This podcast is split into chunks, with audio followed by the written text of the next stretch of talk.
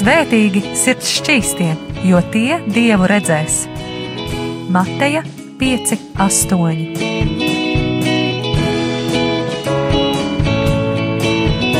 Piektdienās radio raidījums Tēva meitas.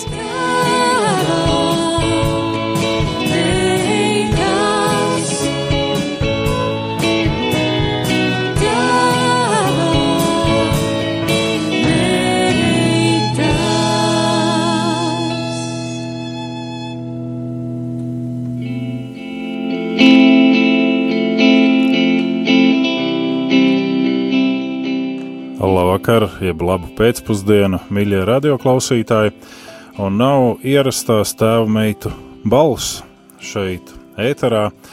Iespējams, ka vēlāk jūs to arī dzirdēsiet, bet, kā jūs zināt, ir visiem studentiem sākusies sesija, arī tēva meitu vadītājai Annijai Palo ir sesija, un ir arī sācies jauns raidījuma cikls, un šajā raidījuma ciklā visticamāk, ka vadītāja pati vēlēsies ar jums runāt par personībām. Gan intervēt personības, ticīgas, kristīgi ticīgas personības, gan runāt par personībām kā cilvēki, kuri mums ir kā autoritātes, kuri mums ir kā piemērs, kuri mums ir kā ceļa rādītāji, ja tā var teikt, Ir dažāds šis personības spektrs, bet šajā raidījumā pie mikrofona esmu es, un arī es būšu aicinājis kādu viesi studijā. E, tas gan būs vēlāk, mazliet, kad es iepazīstināšu jūs ar viesi. Manu balsi jūs pazīstat no visiem iepriekšējiem raidījumiem, un raidījums jau saucās Tēva meitas, līdz ar ko es esmu manījis tētis, un e, esmu audzinājis, jeb vismaz piedalījies kādā daļā audzināšanas pie abām meitām, gan pie Agijas, gan pie Annijas. Un uh, varbūt arī es varu intervēt kādus viesus šodien, jeb nu tos ļaudis, kas būs studijā. Lai arī kā es gribētu atgādināt jums gan studijas tālruni, uz kuru jūs varat sūtīt savus SMS vai WhatsApp ziņas, un tas būtu 266, 77, 272, 266, 77, 272. Ja jūs vēlēsieties uzdot izziņu formā vai WhatsApp veidā savus jautājumus eh, šīs dienas viesim, jūs to varēsiet darīt. Ja jūs vēlēsieties e-pastā uzdot jautājumus, tad tas ir studija at rml.lv. Studija at rml.clv, bet ir vēl viena ļoti, ļoti nozīmīga ziņa. Un tas ir pateicība ikvienam no jums, klausītāji, klausītājas, jaunieši, pusauģi, vidus mm, paudzes ļaudis, kā arī sirmgalvi. Pateicība jums katram, kas esat ziedojuši un ziedojat radiodarba nodrošināšanai jo bez jūsu atbalsta šis radio nevarētu skanēt. Un, protams, ka mums, kas esam uh, mikrofonam šajā pusē, šķiet vienmēr, ka jūs varētu varbūt vairāk ziedot, vai ka mēs kopā varētu vairāk darīt un attīstīt šo radio darbu. Bet realitātē, paskatoties uz visām iespējām, mēs esam pateicīgi par katru eiro, par katru centu, ko jūs esat ziedojuši un tādēļ es atgādinu arī ziedojumu tālruni, pa kuru jūs varat zvanīt šī raidījuma laikā, citā laikā. Jūs varat to piefiksēt, un kad jūs jūtat sevī, ka vajag uzzvanīt, tad jūs varat zvanīt uz ziedojumu tālruni, kas ir 9, 00, 00, 67, 69, 9, 00, 00, 67, 69. Un atcerēsimies vienmēr to interesanto paradoksu, ka priecīgi devēji Dievs mīl. Mēs, kā brīvprātīgie, kā raidījuma vadītāji, kā tie, kas darbojās radio un nodrošina šo visu, mēs esam priecīgi devēji dažādā veidā, gan ar savām finansēm, gan ar savu laiku, gan ar savu ieguldījumu. lai visi kopā mēs varētu šo dievu darbu virzīt uz priekšu, šo kuģi, šo varbūt brīžam pat neredzamo darbu virzīt uz priekšu. Paldies ikvienam par atbalstu, un lai dievu žēlstība un svētība ir ar katru no jums ikdienā. Šajā jaunajā gadā, kurā mēs svinam jau trešo dienu, lai dievu žēlastība ir ar tādu prieku, Eh, virzību, pacēlumu cauri šim gadam. Mēs nekad nezinām, ko šis gads mums nesīs, bet mēs zinām vienu. Ja Dievs ir ar mums un mēs esam ar Dievu, tad tā būs svētība, ko šis gads var mums nest. Paldies! Un lai Dievs jūs svētī, bet šajā brīdī es gribu ļaut runāt mūsu viesim šodienas, un viesis pats varēs pateikt, kā viņu sauc no kurienes viņš ir un kā viņš šobrīd jūtās. Labdien! Labvakar! Labvakar, mīļie rādījumi, arī Latvijas klausītāji. Es esmu Anija Palo, eh, raidījuma tēva meitas uh, ierastā vadītāja, un uh, es esmu no Rīgas. Dzīvoju, uzaugu Rīgā, izņemot vasaras pārstrā pavadīju vai nu Mēršagā, vai nu Lielvārdā, kā kurā reizē. Um, kas vēl kā es šobrīd jūtos, es nejūtos pārāk labi. Parasti es esmu otrā pozīcijā, kas uzdod jautājumus, un um, tā, manuprāt, ir vieglāka pozīcija. Nu, tas ir tāds ļoti, varbūt nepamatots vieglums. Jo uzdot pareizos jautājumus pareizā brīdī ir daudz grūtāk, kā vienkārši kaut ko pajautāt, uh, Bet labi, skatīsimies. Varbūt tev iepatiksies sēdēt šajā pusē, kurā tu esi šobrīd. Vai tev ir kāda personība, kas tev īpaši uzrunā no Bībeles? Mm. No Bībeles varētu būt uh, vairākas personības. Arī tas bija iemesls, kāpēc gada, 2019. gada, uh, varētu teikt, tās rudens sezonas sākumā uh, es izvēlējos tomēr runāt par sievietēm, kas ir Bībelē. Jo viena no tām personībām, kas ļoti, ļoti mani pašu personīgi uzrunāja, ir Estere. Uh, un, un, un, un es varētu nosaukt visas sievietes, kas tur ir, jo īstenībā katrai sievietei ir kaut kas tāds, kas tieši iespējams rezonējas ar mani un rezonējas ar to, Jā, Bet kas tev tieši uzrunāja Esterē? Jo tu saki, rezonējas ar mani. Man ir jautājums, vai ķēniņš Ahasvērs ir bildinājis tevi, vai tevi ir uzaudzinājis onkulis, nevis un mamma, vai tev ir sarežģīti apstākļi un tu dzīvo kaut kur Taidžmahalā izsūtīti no Latvijas? Nē, vairāk man liekas, ka man patīk Esteras stāstā tā, tā varētu teikt, bravūrība un kaut kādā ziņā arī nē, jo viņa tomēr gāja un viņa runāja, labi, viņai bija bail, viņai bija ļoti bail. Es ticu, es nezinu, es tur nedzīvoju, bet es ticu, ka viņai bija ļoti bail, bet viņa tik un tā gāja un viņa runāja un um, viņa paveic to dieva darbu, ko dievs viņai bija līdzis. Un vēl kas man ļoti patīk no Bībeles personāžiem ir pats uh, Dāvids. Viņš, uh, kad es lasīju viņa psalmus, man dažreiz sanāca smieklīgi, jo vienā, vienā nodaļā var būt dažādas emocijas. Viņš var būt dusmīgs, viņš var būt priecīgs, slēgt gaisā, es nezinu, gulēt uz zemes no priekiem. Vēl uz kaut kas, un tad atkal nākamajā pantā jau viņš ir vienkārši asarās tur un, un, un tā. Mēs jau varētu teikt, vienkārši nestabila personība. jā, arī varētu būt, jā. Bet tā tad atgriežoties pie Esteras. Uh, Jā. Ko tu visvairāk Esterē ieraugi tādu, kas saskan ar tevi? Tu teici, jā, ka viņa paveic šo uh, uzdevumu, ko Dievs viņai bija uzdevis.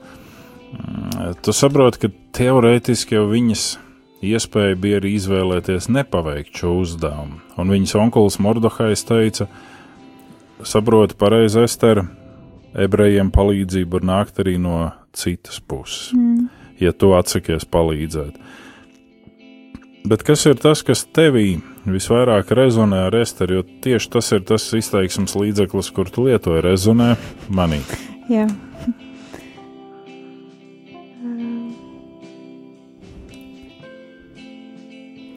Es nezinu, man liekas, ka Man liekas, ka es jau atbildēju šo jautājumu ar to, ka, nu, tā kā paskaidrojot, kas tieši man patīk pie Esteras, ka ir tas, ka viņi varēja izvēlēties vieglāko ceļu, bet viņi tomēr gāja to grūtāko ceļu. Un arī it kā šobrīd uh, rādio nav mana vienīgā kalpošana, bet es varētu to uztaisīt par savu vienīgo kalpošanu, izvēlēties vieglāko ceļu vienkārši ejot šajā ceļā un pateikt, man nekas cits nav svarīgs, es tāpat kalpoju Dievam, priekš kam tad man kaut ko citu. Vai arī savukārt eh, tieši izvēlēties kādu citu no savām kalpošanām. Un, manuprāt, tas ir tas, kas vairāk. Uh, Man ar viņu, nu tā, es nezinu, asociējas, ka viņi neizvēlējās vieglāko ceļu. Viņi tomēr gāja arī pret visiem apstākļiem, kas viņai tur bija. Viņa tik un tā gāja un, un, un darīja tās lietas, ko Dievs viņai bija lūdzis. Ok, paldies tev par šo, ko tu esi teikusi līdz šim brīdim. Tieši domājot par to, ka ļoti bieži mēs kā cilvēki sadalām tās patīkamās kalpošanas, tās labās kalpošanas, tās redzamās kalpošanas, un tad mēs izvēlamies tās kalpošanas, kuras neviens neredz un kuras nevienam nepatīk, tās mēs uzticam kādiem citiem. Kādiem un, iespējams pat mazākiem par mums. Jā, un, un jebkurā gadījumā vienalga, vai mēs esam mācītāji, vai mēs esam priesteri, vai mēs esam bīskapi, vai mēs esam vienkārši ierindas lai draudzes locekļi, mums visos paliek šī te tendence sadalīt šīs kalpošanas labajās un netik prestižajās, bet gal beigās ikviena darbība, kuru mēs veicam kā kalpošana no sirds un ar prieku, ir tā, kas Dievu pagodina, ir tā, kas vairo Dieva mīlestību mūsu savstarpējā satiksmē. Un, un to mums parāda arī kā tevis pieminētā Estere. Labi, viņa izvēlējās tādu ārkārtīgi ekstrēmu šo kalpošanas veidu dievam. Uh, bez savas iniciatīvas. Iniciatīva nāca no dieva, un viņas onkulis viņu pabakstīja šo iniciatīvas piepildījumu, bet viņi izvēlējās. Bet Dāvids nevienmēr tika pabakstīts no onkuļiem un tantēm, bet viņš izvēlējās tās kalpošanas formējumu, kas nebija tas vienkāršākais, un arī viņš izdarīja reizēm pārsteidzīgus soļus, par ko viņš varbūt saņēma pērienu, Nē, nu, tas ir tenī brīdī, kad mēs skatāmies uz tiem personāžiem, kuri mums nav redzami ikdienā, par kuriem mēs varam lasīt. Un šodien ir ļoti daudz spekulāciju par to, ka tie lasāmie objekti un lasāmie uh, piemēri, jeb personāži, jeb personības ir tās, kuras var mazliet palabot tos tekstus tā, kā patīk mums vairāk. Un tādēļ eh, cilvēki ļoti bieži saka, ka Bībelē var neusticēties. Bet mans nākamais jautājums pirms muzikālās pauzes izskanēs, bet atbild būs pilnā, atbild būs pēc muzikālās pauzes. Vai tu mums vari ieskicēt, kas ir tā personība, kas ir bijusi kā tava personība, kā tava autoritāte tavā ikdienas dzīvēm? Hmm. Manuprāt, tādas bijušas vairākas, bet tā, uz kuru tā kā vistuvākajā saiknē es esmu skatījusies, nu labi, tur arī sanāk vairākas. Es nezinu, kā lai atbildētu šo jautājumu. Tātad, manuprāt, manā dzīvē ir vairākas autoritātes, uz kurām es skatījusies, kā piemēru es minēšu tevi pašu, kas man sēž pa kreisai rokai. Tas ir mans tētis, Uģis Palo. Uh, Un uh, droši vien, kā arī pēc tēta, pēc tam vēl uh, sekojot tālāk, tās autoritātes, uz kurām vēl es esmu ļoti skatījusies savā dzīvē, ir uh, manā ome, uh, Zigīts Palo, kā es esmu iesaukusi, un mans opis.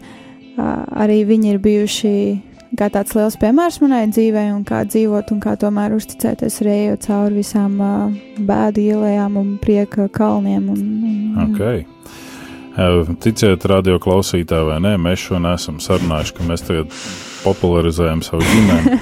Bet šajā brīdī ir Karī Džobas miracles, ja brīnumi. Pastāsti, kāpēc šī dziesma?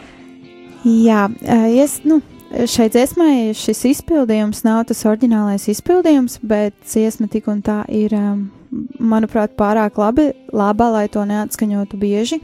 Uh, es pareizi pateicu? Jā, laikam.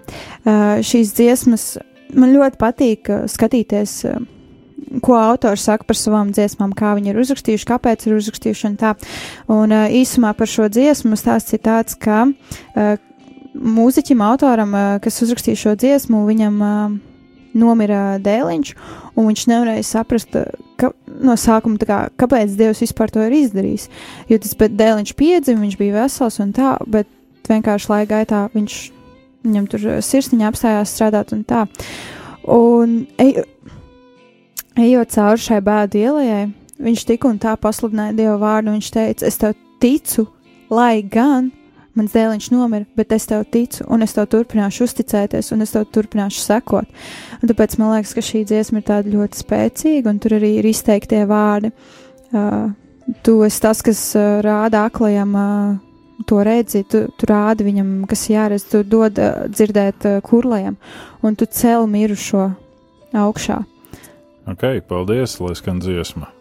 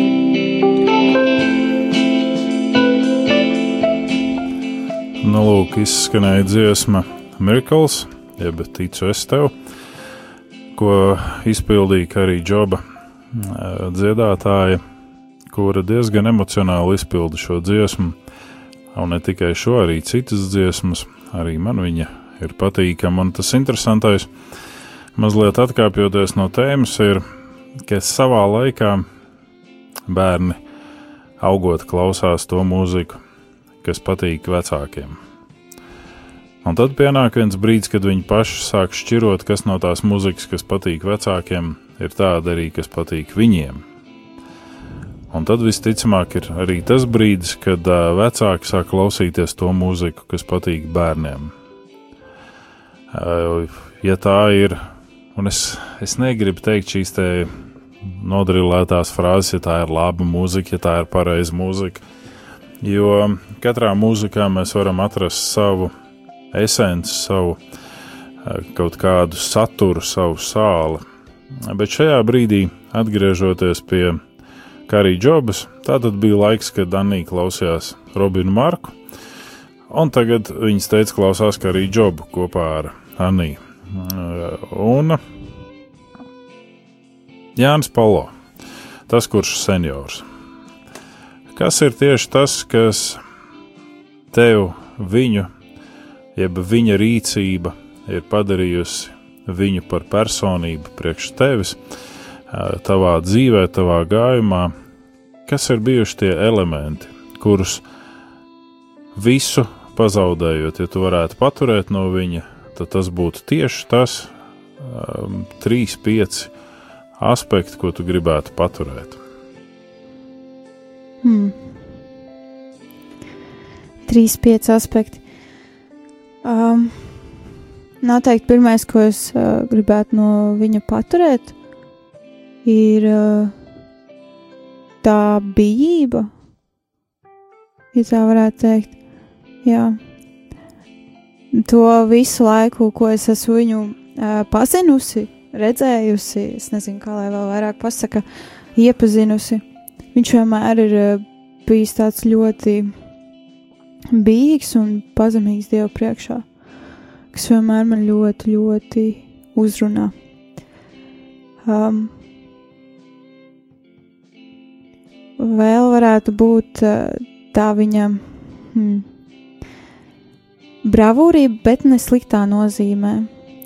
Tā ka viņš ir tā tāds uh, ceļa lauzējs, varētu teikt, uh, kas kuram priekšā netraucēs nekāda mūra, nekas, ja viņam vajadzēs pastāstīt Dieva vārdu, viņš tik un tā ies un to teiks. Un uh, viņam, jā, arī ir, es ticu, ka tie stāsti ir patiesi, ko viņš man stāstīs, bet jā, viņam ir arī daudz tādu stāstu, tādu piemēru no dzīves, kur tiešām ir tāds jautājums, kāpēc tu nepadevies, kāpēc tu tik un tā turpināji iet, lai gan viss, kas tev kā, bija priekšā, bija nāve. Vienkārši, ja tu ies tālāk un darīsi dievam pagodu kalpošanas, un vienalga, ko karš kaut vai sludinās viņu vārdu, tad kāpēc tu to darīji?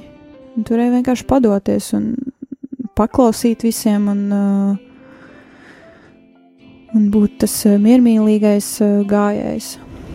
Un vēl, manuprāt, pie viņa varētu būt tā neizmērojamā mīlestība arī ko, ko, ko es arī varu redzēt gan uh, Omē, gan arī tevī.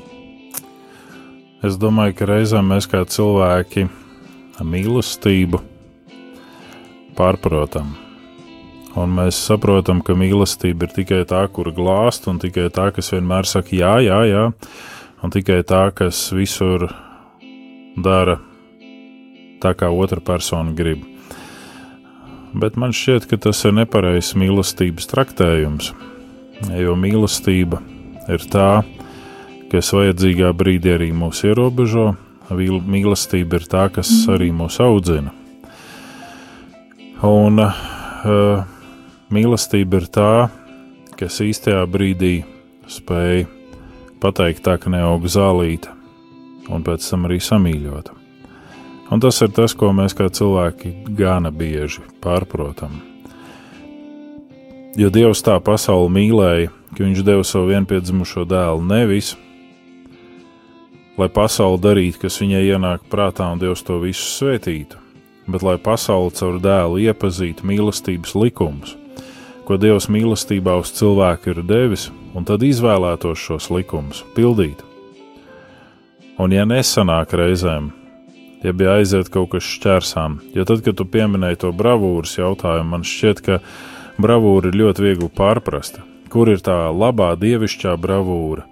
kur ir tā bravūra, kad es esmu gatavs iet arī uguns ceplī, ja tas ir vajadzīgs, un kur ir tā mana bravūra, tā kā Pavlikam Rozovam nodot savu tēvu brāļus un tad apgulties priekšā ambrazūrai kā valsts aizstāvim.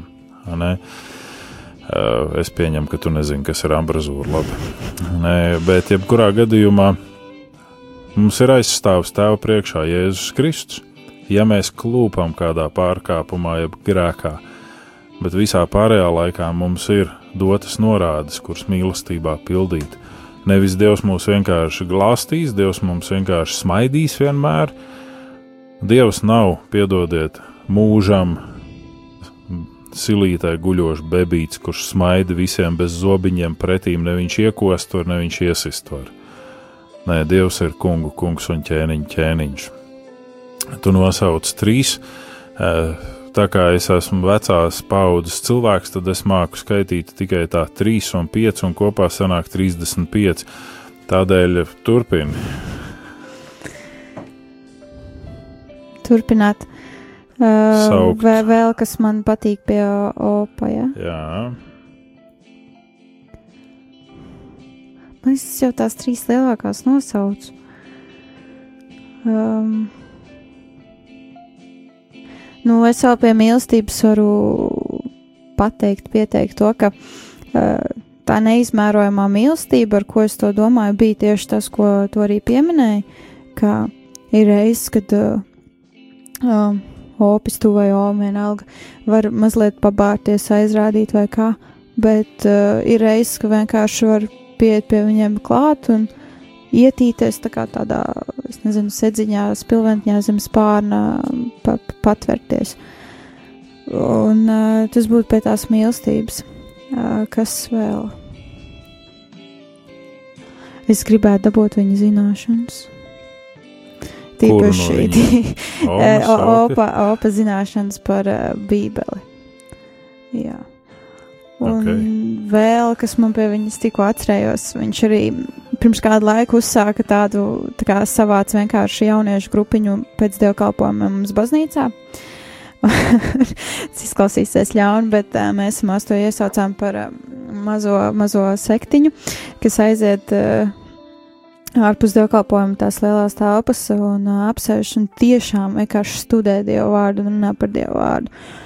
Manuprāt, tas ir tas fenomens, ka arī viņam nav ne tur 20, ne 25 gadi manam opim, bet tik un tā šie jaunieši, šie pusšau, pusauģi līp pie viņa, un viņi grib uzzināt to, kas ir viņam. Man liekas, ka tas ir tas arī, jā, ko, ko es, piemēram, savā vecumdienā gribētu, ka tomēr tie pusauģi jaunieši nebaidās no manis, bet viņi vienkārši līp man klāt un, un grib uzzināt vairāk. Es domāju, ka tas ir kaut kas tāds, ko mēs katrs gribētu, bet ne visi mēs to varam panākt, un ne visiem patiesībā es domāju, ka visi mēs varētu to panākt. Vienīgais mans novēlējums ir visām omēm un opīšiem, kas mūs klausās šodien, nesiet kā zāģējoši ūpji, kas savus mazbērnus un bērnus zāģē visu laiku un sēž savās likšdiņās ietinušies kā ūpji un tikai naktī izlido uz toaletu un atpakaļ. Esiet cilvēki, kuri grib pieaugt un pieaug visu mūžu gājumā, un kuri mainās visu mūžu gājumā. Bet šobrīd e, pāriesim pie nākamās personības, personāža, tava autoritātes modeļa, pie Omas, pie Zigrīdas. Pastāsti, kas ir tās dažas lietas, kas tevi fascinē, aizrauj ar uh, šo sievieti, kāpēc tu viņu esi redzējusi kā savu autoritāti, personību? Um, man ļoti aizrauja viņas smiekli.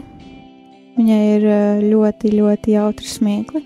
Uh, nevis tie parastie, kurus viņa parasti izdala, kad smējās pie jokiem vai kā. Bet... tantītes. Jā, bet uh, tādi īpaši smiekli, tas man ļoti fascinē un patīk pie viņas. Man patīk tas, ka viņa prot pasmieties par sevi. Jā. Tā ir ļoti laba īpašība ko es arī gribētu sev iemantot. Un uh, vēl kas man patīk pie viņas, ir tas, ka viņa nu, arī jā, tā neizmērojamā mīlestība, ko jau es pieminēju, ka arī, lai gan viņa sastapusies ar daudz ko savā dzīvē, viņa tik un tā vēl aizvien mīl mūs visus. Un, uh,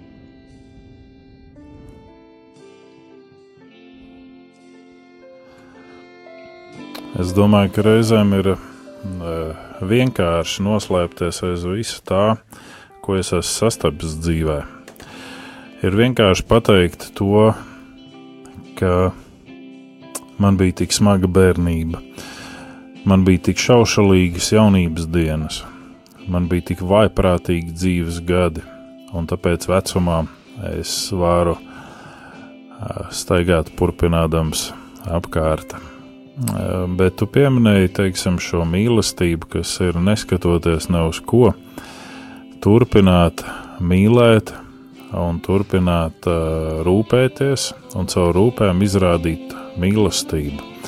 Vai ir vēl kas, ko tu vēlēsies pieminēt no Zigrīdas?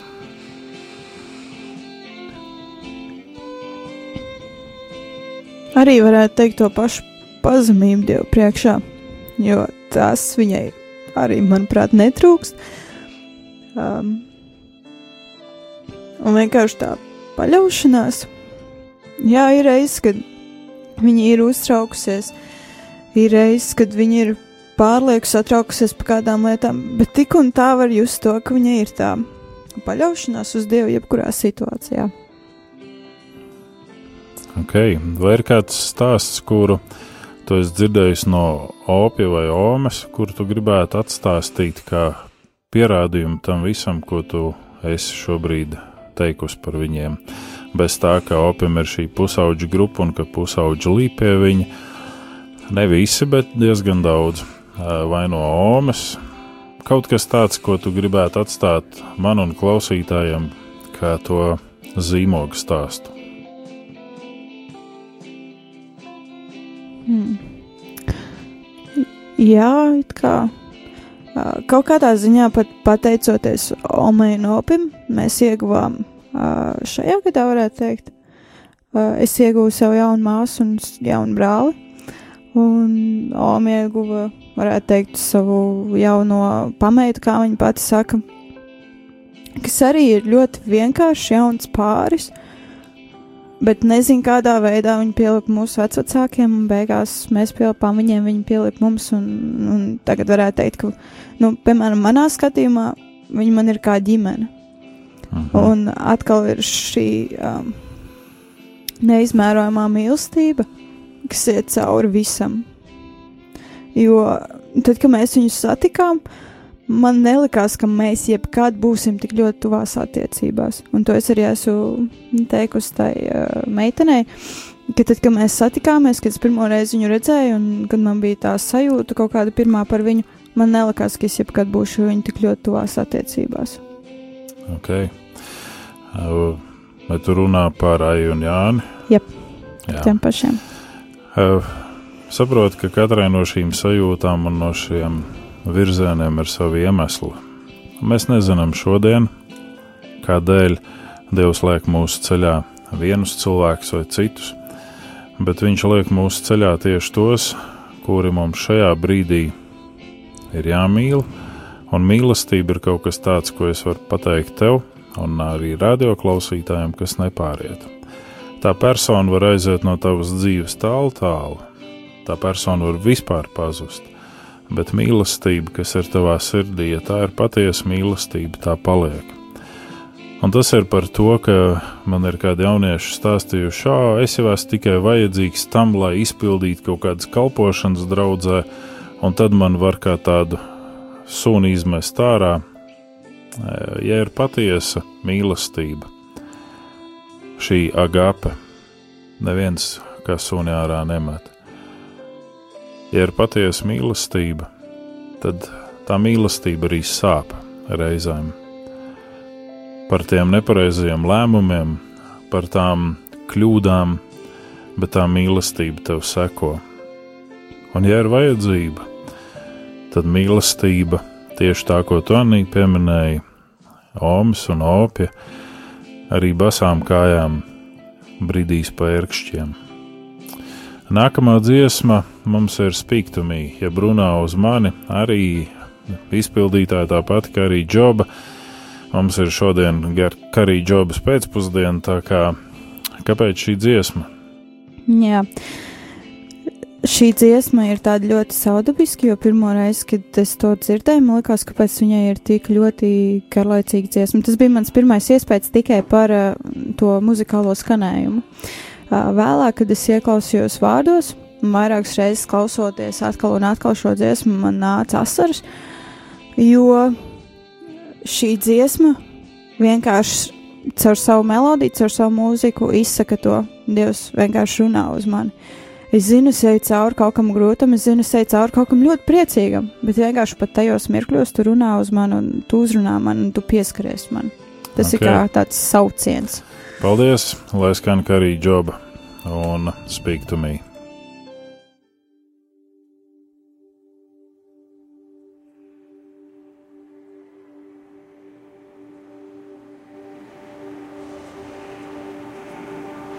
The sound of many waters calms the sea in me.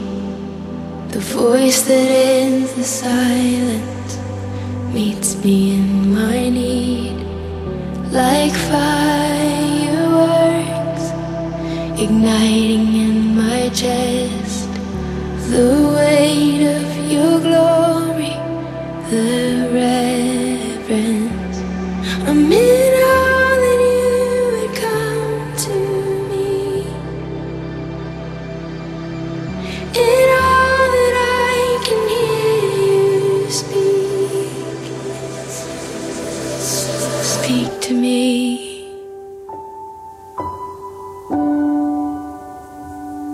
Speak to me,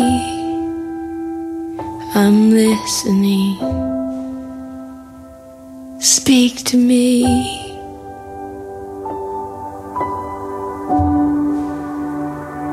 Speak to me, I'm listening.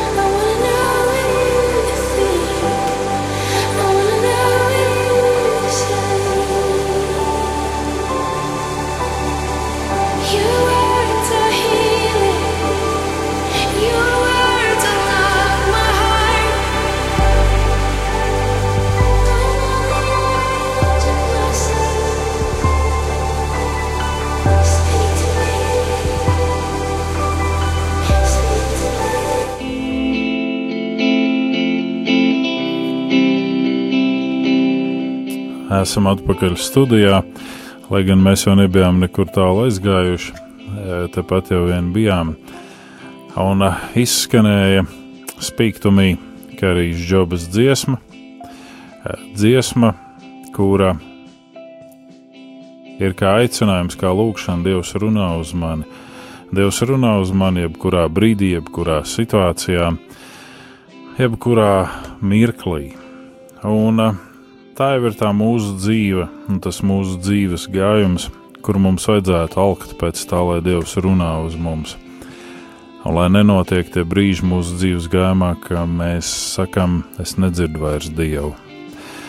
Bet šajā brīdī mīļo klausītājs, gribu atgādināt, ka ziedojuma tālrunis, uz kuru tu vari zvanīt, un tādējādi tu ziedos zinām naudas summu, ir 9, 00, 06, 76, 9, 9, 00, 06, 76, 9.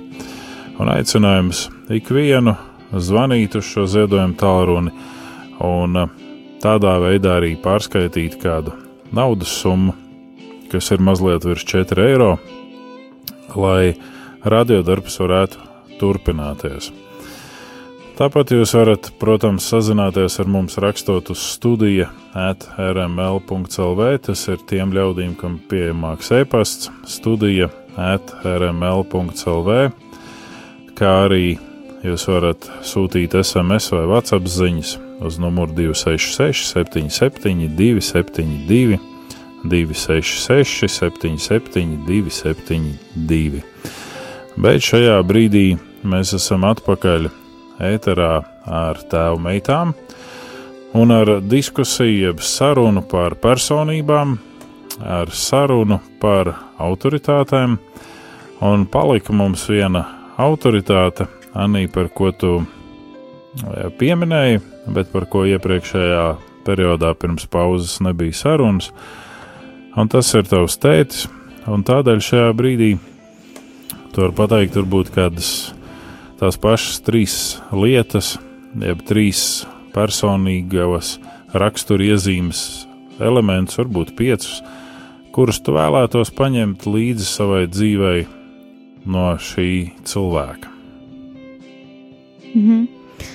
Jā, mans tēvs, Uģis Palo, sēž man blakus, un šovakar uh, vada raidījumu.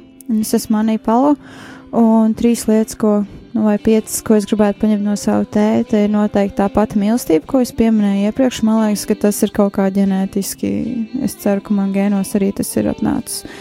Tā nebeidzamā, neizmērojamā mīlestība, kas ir gan opim, gan omei, gan arī tev, ko es pieminēju iepriekšējā sadaļā. Vēl no tevis es gribētu paņemt uh, arī līdzīgi kā opim, gan to pašu bravūrību, gan arī to gudrību, kas jums abiem ir, uh, ka jums ir, varētu teikt, tā tiešā saikne ar Dievu un, un, un tā, tā saikne, kas jums ir, uh, gan tev, gan arī opim kopā ar Dievu, man liekas, ka tā ir vienkārši fantastiska lieta, kad ka tiešām var, var dzirdēt to, ko Dievs saka, un var redzēt to, ko Dievs rāda. Un ka cilvēks var saprast, ka tas ir no Dieva, nevis tās ir, ah, kaut kāds mans izdoms, kāpēc nu, es tā izdomāju, vai kā. Bet ka tiešām tas ir tas, ko Dievs parāda, un bieži vien arī un tas, ko es esmu pieredzējis no savas dzīves, ka bieži vien tev Dievs kaut ko uzrāda, kaut ko parāda, par ko, piemēram, es nevienam neesmu teikusi, nu, izņemot Dievam. Uh, bet nevienam nu, cilvēkam, kas ir uz šīs zemes, es neesmu teikusi, un pēkšņi to vienkārši pienāca klāt un man jautā par to lietu. Man tāds, kā tu to zini un kāpēc? Kā, kāpēc? Es arī varētu to gribēt, jā, un tad uh, vēl kāda lieta, ko droši vien es gribētu no tevis paņemt, ir tas, ka tu spēj izbaudīt dzīvi. Ko nozīmē izbaudīt? Jo cilvēkiem ir atšķirīgs viedoklis Jā. par izbaudīt. Cilvēki uzskata, ka uh, nezinu, no nereglamentēts seks vai piedzeršanās līdz bezjēgai, ka tā ir īstā izbaudīšana. Tā izbaudīšana, kuras novēlu katram un to, kurus redz arī tavā dzīvē, ir tas, ka tu māki priecāties par to, ko Dievs tev ir devis dzīvē, uh, nepārkāpjot tās noliktās dieva robežas, ko viņš ir nolicis. Tas būtu nenodarbojoties ar to pašu grēku, piemēram, ar uh, seksuālām izvērtībām vai netiklību vai kaut ko tādu, bet tu spēj izbaudīt dzīvi tajās robežās, kurās Dievs tev ir ielicis. Un uh, tikpat labi tu spēj reizēm mani brāli, nu, māsu tagad retāk, bet vienkārši paņemt, ielikt mašīnā, ziemas laikā aizbraukt, padriftot pa līdlauku. Tā ir kaut kāda sava, sava veida dzīves izbaudīšana. Tu spēj uh, iepriecināt citus, uh, tu spēj arī iepriecināt pats sevi. Un, uh, tāpat es zinu, ka tavs vaļas prieks, tavs prieks ir uh, motocikli, un tu spēj izbaudīt to braucienu, kur tu esi uz šī motocikla. arī tāpat. Uh, Varbūt dažreiz tu esi noskums vai saskums par kādām lietām, bet es neesmu tevi dzirdējusi vainojot pie tā dievu. Tad, kad tu pieminēji to spēju dzirdēt dievu, tad ir viena tāda ļoti interesanta iezīme. Es nezinu, vai tā ir citiem, bet vismaz Bībelē es to esmu redzējis un pie sevis es esmu ļoti bieži sastapis.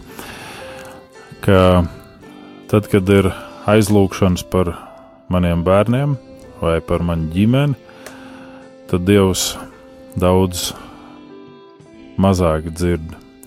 Un tad, kad ir šie atklāsmes momenti par tavējiem, tad tev ir daudz intensīvāka dzirde jāpielieto, lai tu sadzirdētu, ko Dievs saka.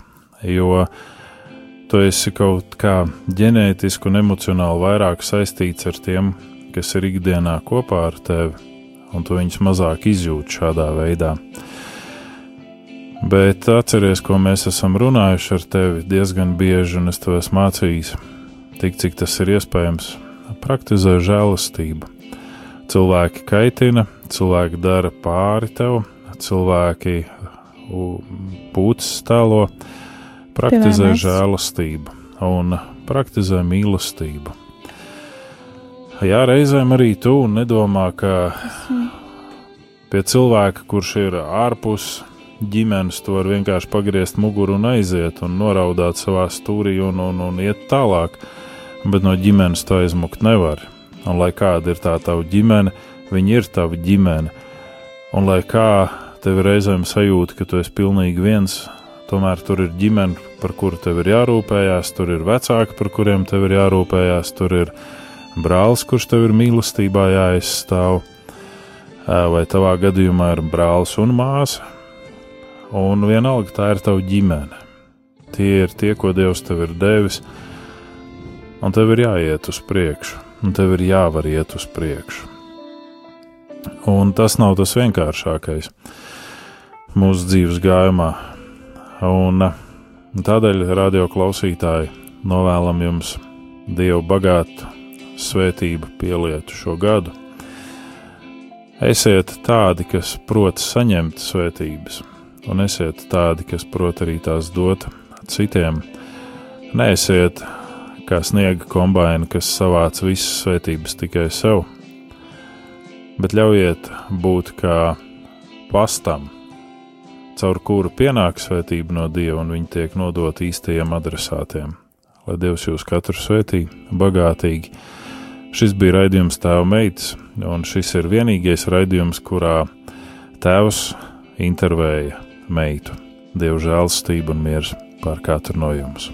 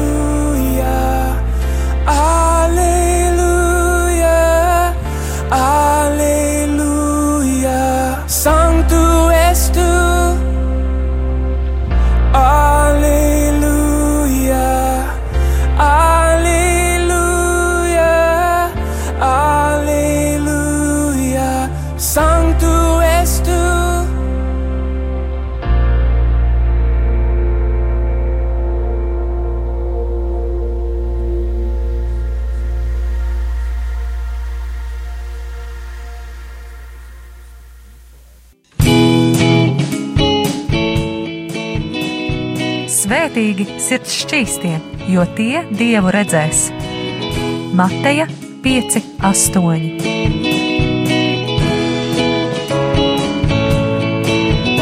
Piektdienās radio raidījums Tēva meitas.